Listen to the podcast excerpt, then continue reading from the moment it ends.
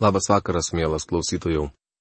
Šiandien mes su jumis toliau keliaujame Senojo testamento puslapiais ir šiandien mūsų paskutinis susitikimas Nehemijo knygoje. Apžvelgdami 11-13 skyrius mes užbaigsime šios knygos apžvalgą. Skyrių tema yra reforma. 11 skyriuje vėl aptinkame ilgą sąrašą, kuris tęsiasi iki pat 12 skyriaus. Išvardinti žmonės buvo pasiruošę daryti tai, ko norėjo Dievas. Atkreipkite dėmesį į kelias šios skyriaus eilutes. Tautos didžiūnai įsikūrė Jeruzalėje. Kiti žmonės metė burtus, kad vienas iš dešimties atsikeltų gyventi į Jeruzalę, šventąjį miestą, o devyni dešimtadaliai pasiliktų kituose miestuose. Nehemijo knygos 11 skyriaus pirmą eilutę. Žmonės metė burtus. Spėju, jog žmogus, ištraukęs trumpiausią šiaudą, pasilikdavo Jeruzalėje, o kiti devyni vykdavo apsigyventi į kitus miestus. Esant tokiai situacijai, turbūt buvo nemažai besiskundžiančių žmonės turėjo puikią galimybę dėjuoti. Kodėl Dievas leido, kad man taip atsitiktų? Jau geriau gyvenčiau mažame miestelėje arba kaime. Žmonės gyrė visus vyrus, kurie savanoriškai ryžosi gyventi Jeruzalėje. Nehemijo 11 skyriaus antra eilutė. Daugelis žmonių netgi tomis dienomis norėjo išsikelti gyventi į priemestį. Jie tik dėkojo Dievui už tuos, kurie norėjo gyventi Jeruzalėje. Šie žmonės mums nepažįstami, tačiau Dievas pažinojo kiekvieną.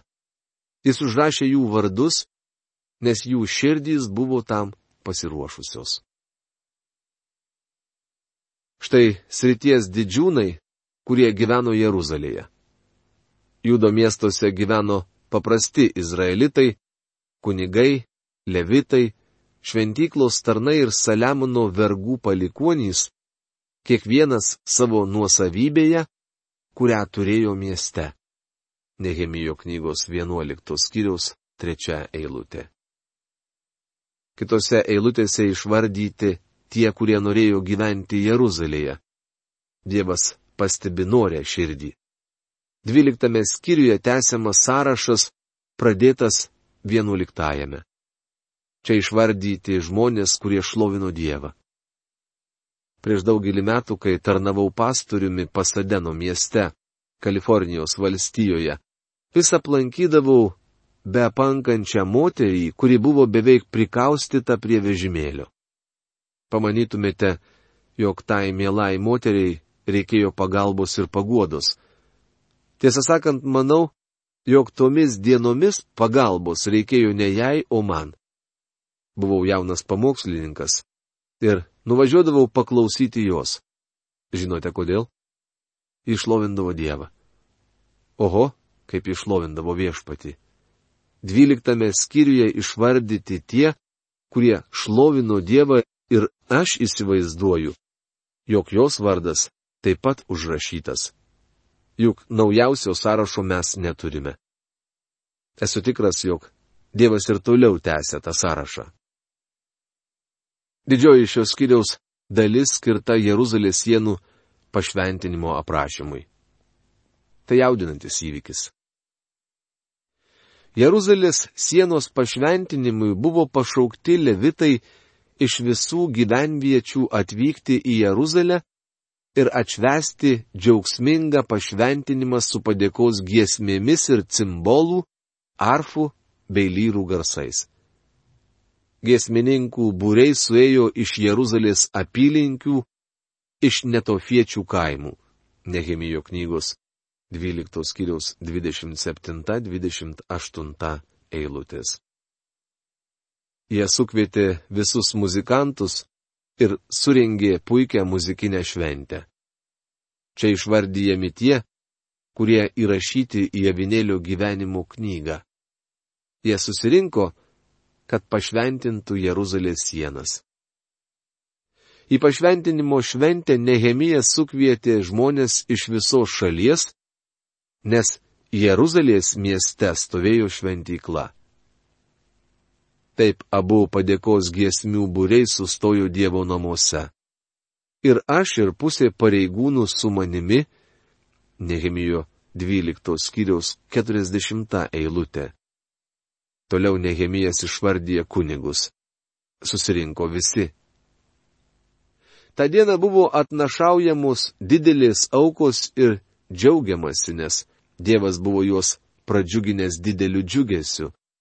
Džiugavo ir moterys, ir vaikai. Jeruzalės džiaugsmas buvo girdėti toli. Nehemijo knygos 12 skyriaus 43 eilutė. Svetimšaliai, atvykėliai, turistai ir kiti keliaujantis pro tą vietą išgirdę garsius šlovinimo ir džiaugsmo šūksnius. Turbūt stebėjosi, kasgi ten vyksta. Be abejonės jie atvykdavo sužinoti, koks tai buvo liūdėjimas aplinkiniam pagoniškam pasauliui. Kartą man viešint Auklando mieste, Kalifornijos valstijoje, ėjau pro stadioną, kuriame žaidė beisbolą. Kažkas smogė taiklų smūgį ir iš tos vietos pakilo garsus šauksmas. Turbūt ten vyko labai įdomus ir jaudinantis žaidimas, ir aš taip panorau ten būti ir jį stebėti. Matote, tokia buvo natūrali reakcija. Tuo metu aš galvojau, jei toks šauksmas kiltų tuo met, kai pamokslauju, jį išgirstų visi gyventojai ir, man regis, daugeliu kiltų noras išsiaiškinti, kokia jo priežastis. Dažniausiai žmonės neužsuka į bažnyčią, nes mano, kad esame mirę ir nuobodų žmonės. Ir žinoma, jie beveik visada teisūs. Šiandien mūsų tarnavimuose turėtų būti daug daugiau viešpatės džiaugsmo, tikro džiaugsmo. Laiške filipiečiams skaitome, jog jėgo šaltinis - džiaugsmas. Prisiminkime Nehemijo žodžius. Džiugesys viešpatyje yra jūsų stiprybė. Jei esate krikščionis verksnys, tai nedaug ką te galėsite paliudyti kitiems. Karta viena moteris pasigodė, daktarė Magi, mano vyras neišgelbėtas ir aš niekaip negaliu jo paveikti. Ji pravirko. Vėliau tęsė, kalbuosi su juo ryte per pusryčius.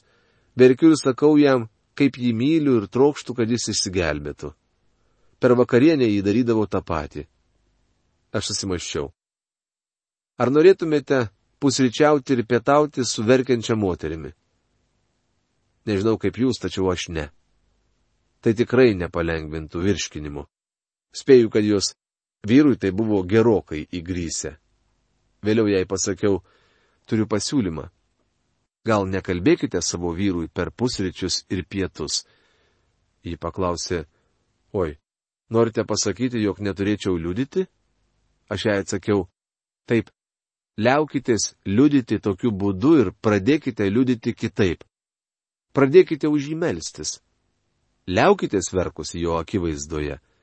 Džiugesys viešpatyje yra jūsų stiprybė.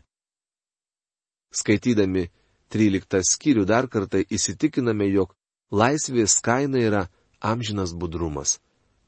Tai ir krikščioniškos laisvės kaina. Kažkur tarp 12 ir 13 skyriaus Nehemijas grįžo į savo darbą Sūzų rūmuose. Prisiminkime, jog jis buvo paprašęs tik atostogų. Persijoje jis praleido gal metus kitus ir vėl paprašė atostogų, kad galėtų nuvykti į Jeruzalę. Nuvykęs jis apstulbo. Žmonės nesilaikė deramo atsiskirimo nuo kitų tautų. Ta diena buvo skaitoma žmonėms iš Mozės knygos ir rasta joje parašyta, kad joks amonitas ir joks muabitas niekada negali būti priimtas į Dievo bendryją, nes jie nesutiko Izraelitų su duona ir vandeniu, bet prieš juos pasamdė Bileamą, kad prakeiktų. Tačiau mūsų Dievas prakeikimą pavertė palaiminimu. Išgirdę šį įstatymą, žmonės atskyrė nuo Izraelio visus svetimtaučius. Nehemijo knygos 13 skyriaus 1-3 eilutės. Istorija apie Biliamą užrašyta skaičių knygos 23 ir 24 skyriuje. Izraelitai perskaitė pasakojimą ir nusprendė, kad reikia paklusti Dievo žodžiui. Jie tokėsi su amonitais ir moabitais, nors Dievas buvo tai uždraudęs. Izraelio vaikai suprato, jog turi juos išvaryti iš savo krašto. Prieš tai kunigas Eliešibas, kuris buvo paskirtas kambarių valdytojų mūsų Dievo namuose ir giminiavosi su Tobija, Nehemijo knygos 13 skyriaus 4 eilutė. Šitau. Štai vyriausiasis kunigas, kuris per savo sunaus ar dukters santuoką susigiminiavo su Tobija. Pats vyriausiasis kunigas nepakluso Dievui, nors atsiskirti nuo kitų tautų buvo nepaprastai svarbu. Dievas buvo griežtai uždraudęs tuokti su pagonimis. Manau, jog Dievas jiems tai labai samojingai pavaizdavo. Tarsi jie artų pakinkę jauti ir asilą po vienu jungu.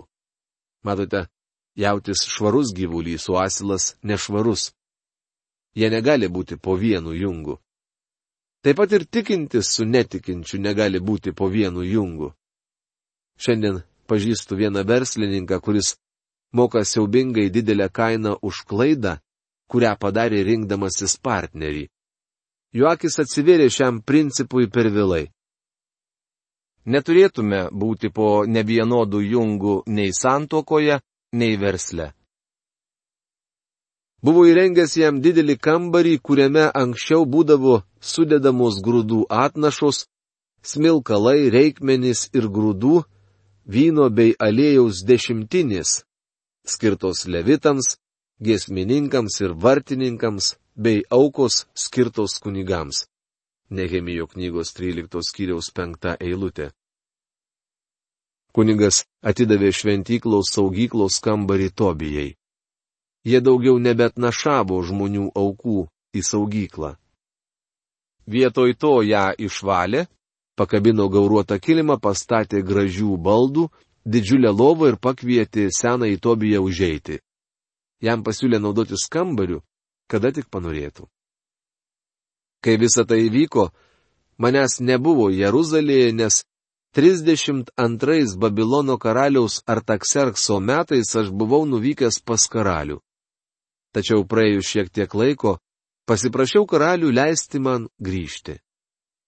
Parvykęs į Jeruzalę, sužinojau apie nusikaltimą, kurį Eliešibas buvo padaręs dėl Tobijos, įrengdamas jam kambarį Dievo namų kiemuose. Tuo aš buvau labai nepatenkintas ir visus Tobijos daiktus išmečiau iš kambario. Nehemijos knygos 13 skyriaus 6-8 eilutės. Visą tai įvyko, kol Nehemijas buvo išvykęs. Man patinka Nehemijas. Jis sakė, mes atsikratysime Tobijos, jis nepasiliks Dievo namuose. Prisiminkime, kad mūsų viešpats pagyrė Efezo bažnyčią sakydamas, Žinau, kad ištyriai tuos, kurie sakosi esą apaštalai, bet tokie nėra ir radai juos esant melagius. Rašoma prieškimo antros kiriaus antroje eilutėje. Todėl Nehemijas nuėjo į šventyklą, paėmė Tobijos lagaminą ir išmetė jį pro langą. Tobijai jis pasakė, tu čia ilgiau nebepasiliksi. Daugiau veltui kambario niekas tau nenuomos. Tada daviau įsakymą, kad kambariai būtų išvalyti ir ten vėl sudėjau Dievo namų reikmenis su javų atnaša ir smilkalais. Nehemijos knygos 13 skyriaus 9 eilutė. Nehemijas įsakė smilkyti kambariuose smilkalus.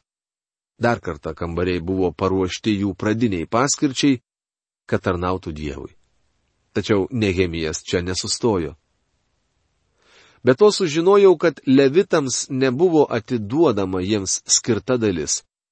Užtat levitai ir giesmininkai, užuot atlikę šventyklos tarnybą, buvo išėję į savo laukus. Nehemijo knygos 13 skyriaus 10 eilutė. šventykloje tarnaujantys levitai nebuvo tinkamai išlaikomi, todėl turėjo ieškotis darbo laukuose. Tarnavimas Dievui buvo apleistas. Mano nuomonė, šiandien iš tarnautojų reikalaujama atlikti daugiau darbo, nei jie gali. Daug tarnautojų turi apleisti Dievo žodžio studijas, nes jų bažnyčios nori, kad jie būtų ir administratoriai, ir visi kiti. Tvarkant bažnyčios reikalus jiems reikalinga pagalba, kad galėtų netrukdomai nagrinėti Bibliją ir melstis. Aš myliu Nehemiją. Manau, jog tuoj suprasite, kodėl jis pasakė, jog pamokslininkui reikia mokėti didesnį atlyginimą. Jis sakė žmonėms, turite atnešti Dievui priklausančias dešimtines ir pasirūpinti žmonėmis, kurie tarnauja Dievui. Tai bent, man patinka toks valdytojas ir beje Dievas pritarė tokiam jo požiūriui. O mano Dieve, atsimink mane maloniai už tai ir neištrink mano gerų darbų, kuriuos esu padaręs savo Dievo namams ir jų apieigoms. Nehemijo knygos 13 skyriaus 14 eilutė. Nehemijas prašė Dievo atsiminti tai, ką jis padarė, ir viešpats jo prašymą išpildė. Jis užrašė tai savo žodyje. Nehemijas taip pat sužinojo, kad žmonės daro dar vieną nuodėmę. Jie nesilaiko šabo. Tomis dienomis mačiau jude šabo dieną vienus žmonės minančius vynogių spaudyklės, o kitus nešančius maišus grūdų ir kraunančius juos ant asilų. Ir net į Jeruzalę šabo dieną buvo gabenama vyno, vynuogių, figų ir visokiausių gėrybių. Juos to jau ir ten pat įspėjau šių maisto dalykų nepardavinėti. Jeruzalėje gyveno ir tyro žmonių. Jie atgabendavo žuvų ir įvairiausių prekių, kurias parduodavo judo žmonėms šabo dieną. Nehemijo knygos 13 skyriaus 15-16 eilutės. Jie atvykdavo iš pajūrio ir atveždavo žuvų. Taigi išbariau ir judo didikus, sakydamas jiems, ką reiškia tas nedoras dalykas. Išniekinate šabo dieną taip elgdamiesi. Nehemijo knygos 13 skyriaus 17 eilutė. Kaip tik didikai ir leido taip elgtis. Juk lygiai taip elgėsi jūsų protėviai. Užtat Dievas ir užtraukė mums bei miestui visą šią nelaimę. O jūs išniekindami šabą didinate pyktį ant Izraelio. Nehemijo knygos 13 skyriaus 18 eilutė. Nehemijas priminė žmonėms apie Dievo rūstybę, kuri buvo nužengusi ant tautos dėl to, ką jie darė. Kai šešėliai pradėjo dengti Jeruzalės vartus, šabui artinantis, įsakiau uždaryti visus vartus ir nurodžiau, kad jie būtų atidaryti tik po šabo. Prie vartų pastačiau keletą savo tarnų, kad šabo dieną nebūtų gabenamos jokios prekės. Taigi visokiausių prekių pirkliai ir pardavėjai praleido vieną ir kitą kartą naktį už Jeruzalės sienos, kol jų neišbariau. Pasakiau jiems, kodėl nakvojate palei sieną? Jeigu dar kartą taip darysite, prieš jūs panaudosiu jėgą. Nuo to laiko šabo dieną jie daugiau nebeteidavo. Nehemijo knygos 13 skyriaus 19-21 eilutės. Kaip tik prieš šabą, saulė leidžiantis, Nehemijas įsakė uždaryti vartus. Pirkliai atvyko su savo prekiamis, manydami galėsę jas parduoti. Nehemijas pasilipėjo ant sienos pasižiūrėti, ar pirkliai atvyko, ir pamatė juos laukiančius už vartų. Jie atvyko per pirmą šabą, kai vartai buvo uždaryti, Taip pat atvyko ir per antrą šabą ir vartai vėl buvo uždaryti. Tuomet Nehemijas jiems pasakė, jei jūs dar kartą atvyksite, aš prieš jūs panaudosiu jėgą. Jie suprato, kad jis kalba rimtai ir daugiau nebesirodė. Dabar jis pastebi dar vieną nusikaltimą. Be to tomis dienomis pamačiau žydų, vedusių moteris iš Aždodo, Amono ir Moabo. Pusė jų vaikų kalbėjo Aždodo kalba. Žydiškai kalbėti jie nemokėjo, bet kalbėjo tų įvairių tautų kalbomis. Su jais bariausi, iškeikiau juos, kai kuriuos apmušiau, roviau jų plaukus ir prisaigdinau dievų tardamas, jūs neturite atiduoti savo dukterų jų sūnums bei imti jų dukterų savo sūnums ar savo patiems. Nehemijo knygos 13 skyriaus 23-25 eilutės. Nehemijas pamatė žydus, kurie buvo vedę moteris iš pagonių tautų. Nehemijas su jais barėsi, iškeikė juos, kai kuriuos apmušė ir rovė jų plaukus. Kai sakoma, kad jis juos iškeikė, tai nereiškia, jog jis bėrė keiksmažodžius, tai reiškia, jog jis išsakė jiems prakeikimą. Jis prisaigdino juos, kad nebesituoktų su svetim šaliais. Nehemijas naudojo kraštutinės priemonės, bet kaip tik jų reikėjo. Matote, prabudimas visuomet veda prie reformacijos. Kai vyksta prabudimas, visa, ką reikia išvalyti, bus išvalyta. Mūsų tauta iškilusias problemas gali spręsti vieninteliu būdu. Tarp Dievo žmonių turi kilti prabudimas. Nehemijas baigia tokiais žodžiais. Atsimink juos mano nes jie suteršė kunigystę bei kunigų ir levitų sandūrą. Taip apvaliau juos nuo visko, kas svetima, ir sutvarkiau kunigų ir levitų pareigas kiekvienam pagal jų tarnybą. Be to patvarkiau malkų atnašą aukurui nustatytų laikų ir pirmienas. Atsimink tai mano labui, o mano Dieve. Nehemijo knygos 13 skyriaus 29-31 eilutės. Šios eilutės apibendrina didžiulį Nehemijo indėlį į dvasinę jo tautos gerovę. Visi svetimšaliai buvo pašalinti iš garbingų ir atsakingų pareigų, o kunigams ir levitams buvo gražintos jų pareigos. Vėl buvo atnešamos aukos į šventyklą. Paskutiniai Nehemijo žodžiai skamba taip. Atsimink tai mano labui, o mano Dieve. Mūsų viešpats nuostabiai atsakė į jo maldą, užrašydamas jo darbų savo žodyje, o tai yra amžinas atminimas. Dievas atsimena tai jo labui. Aš taip pat prisimenu Nehemiją jo labui. Viliuosi, kad ir jūs. Jis buvo didis, eilinis Dievo žmogus. Mielas klausytojau, šiandien mes baigėme nagrinėti Nehemijo knygą. Kitoje mūsų laidoje mes iš Senojo testamento persikelsime į naująjį ir pradėsime nagrinėti antrąjį laišką korintiečiams. O šios dienos laidą baigiame. Iki malonaus sustikimo. Sudė.